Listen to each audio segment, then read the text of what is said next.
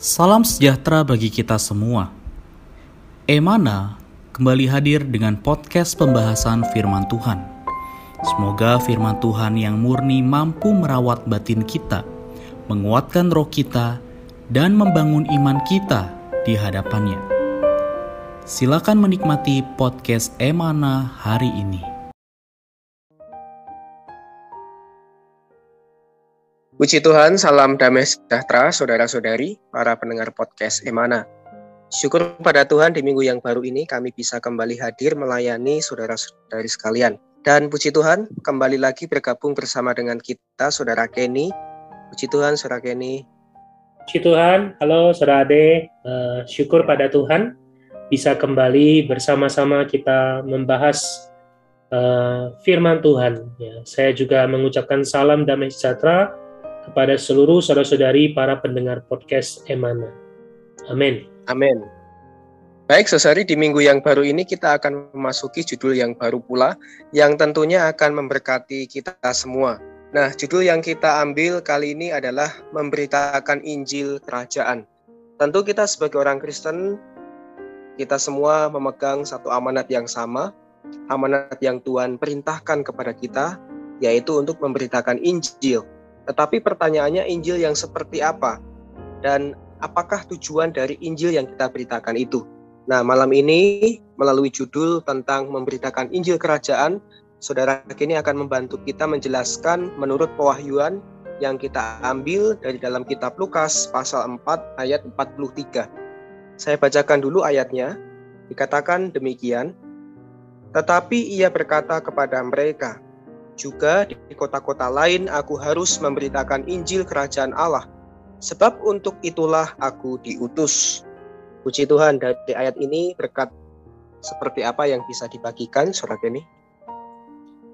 Baik, puji Tuhan, kita sudah memasuki pembacaan Alkitab di dalam Lukas pasal yang keempat.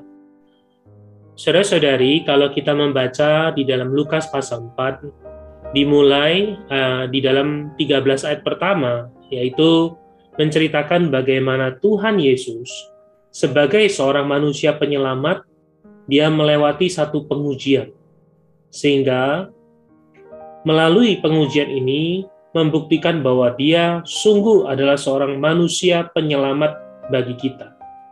Maka mulai dari pasal 4 ayat 14 sampai pasal 19 ayat 27 ini adalah satu perikop yang panjang. Eh, di dalam perikop ini mulai membahas, memperlihatkan kepada kita ministry atau pelayanan manusia penyelamat di dalam segala kebajikannya untuk mengekspresikan keilahiannya atau atribut ilahinya. Maka pertama uh, dikatakan memperlihatkan kepada kita yaitu dari ayat 14 sampai 30 yaitu Tuhan datang untuk mengumumkan tahun Yobel kasih karunia yaitu tahun kebebasan. Satu kabar sukacita. Ini menunjukkan bahwa kita manusia berdosa adalah di bawah perbudakan. Tetapi puji Tuhan ministry manusia penyelamat ini mengumumkan tahun kebebasan untuk kita. Nah, Amin. bagaimana tahun kebebasan ini diberitakan kepada kita, diumumkan kepada kita? Maka kita akan melihat setelah Tuhan Yesus mengumumkan tahun Yobel kasih karunia, mulai dari ayat 31 sampai ayat 44, yaitu porsi pembacaan Alkitab hari ini. Di sana menceritakan Tuhan melakukan empat hal yang kita bisa sebut adalah ada amanat empat ganda yang Tuhan lakukan. Pertama Amin. adalah dia mengajar. Di dalam ayat 31 dan 32 di sana dikatakan Tuhan pergi ke Kapernaum di sebuah kota di Galilea. Dia mengajar di situ pada hari-hari Sabat. Dan orang-orang takjub mendengar pengajarannya sebab pengajarannya penuh dengan kuasa. Artinya pengajarannya ini ada kuasanya. Pengajarannya ini menyingkapkan, membukakan hati manusia yang di dalam kegelapan.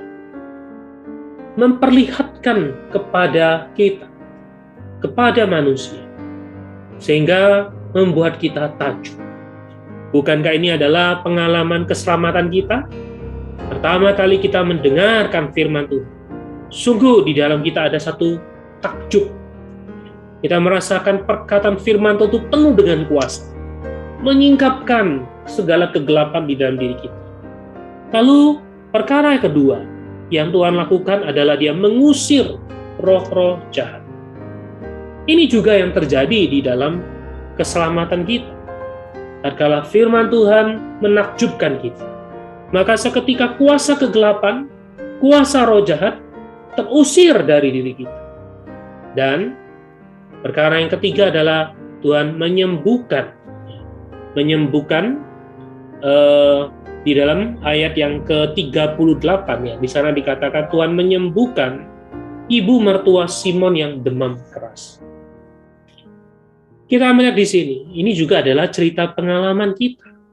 Setelah kuasa jahat diusir, maka Tuhan menyembuhkan segala kondisi kita. Membuat kita layak untuk menerima amanat yang keempat. Amanat yang keempat ini adalah apa? Yaitu Tuhan memberitakan kabar baik tentang kerajaan Allah. Inilah yang menjadi poin pembahasan kita hari ini yaitu Tuhan berkata dia harus memberitakan Injil kerajaan. Sebab untuk itulah dia diutus. Amin. Saudara-saudari, apa itu Injil? Injil bukan sekedar supaya kita menerima keselamatan. Injil bukan sekedar kita dibebaskan saja dari belenggu dosa, dari belenggu si. Tapi Injil adalah untuk menghasilkan kerajaan Allah. Apa itu kerajaan Allah? yaitu ruang lingkup di mana Allah sebagai sang raja dapat memerintah. Ruang lingkup ini adalah siapa? Yaitu setiap kita kaum beriman. Puji Tuhan, inilah Injil Kerajaan. Inilah amanat yang Tuhan pikul ketika dia datang sebagai manusia penyelamat. Hari ini, amanat ini juga diberikan kepada kita di dalam kitab Matius kita tahu bahwa Tuhan berkata Injil kerajaan harus diberitakan sampai ke ujung bumi. Supaya tibalah kesudahan. Saudara-saudari, hari ini kita sebagai orang yang diselamatkan. Apa tujuan hidup kita? Bukan sekedar kita bersuka cita karena kita sudah menerima kebebasan.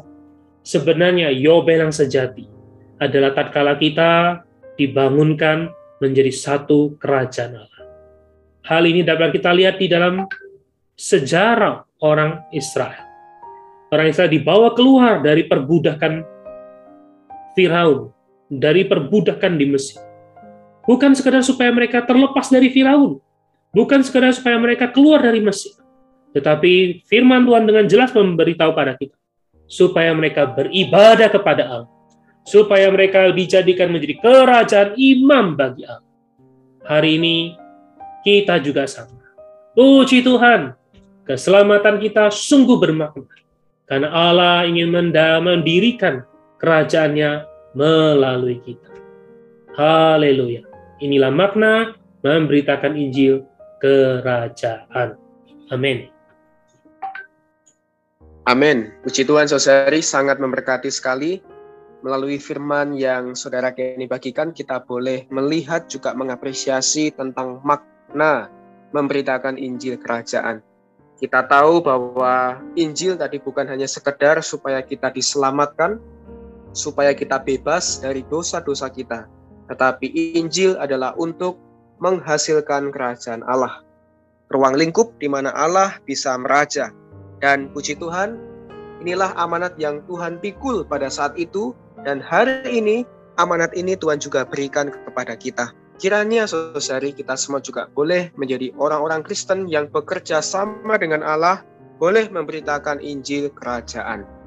Puji Tuhan. Baik, terima kasih banyak Saudara ini untuk sharing kali ini.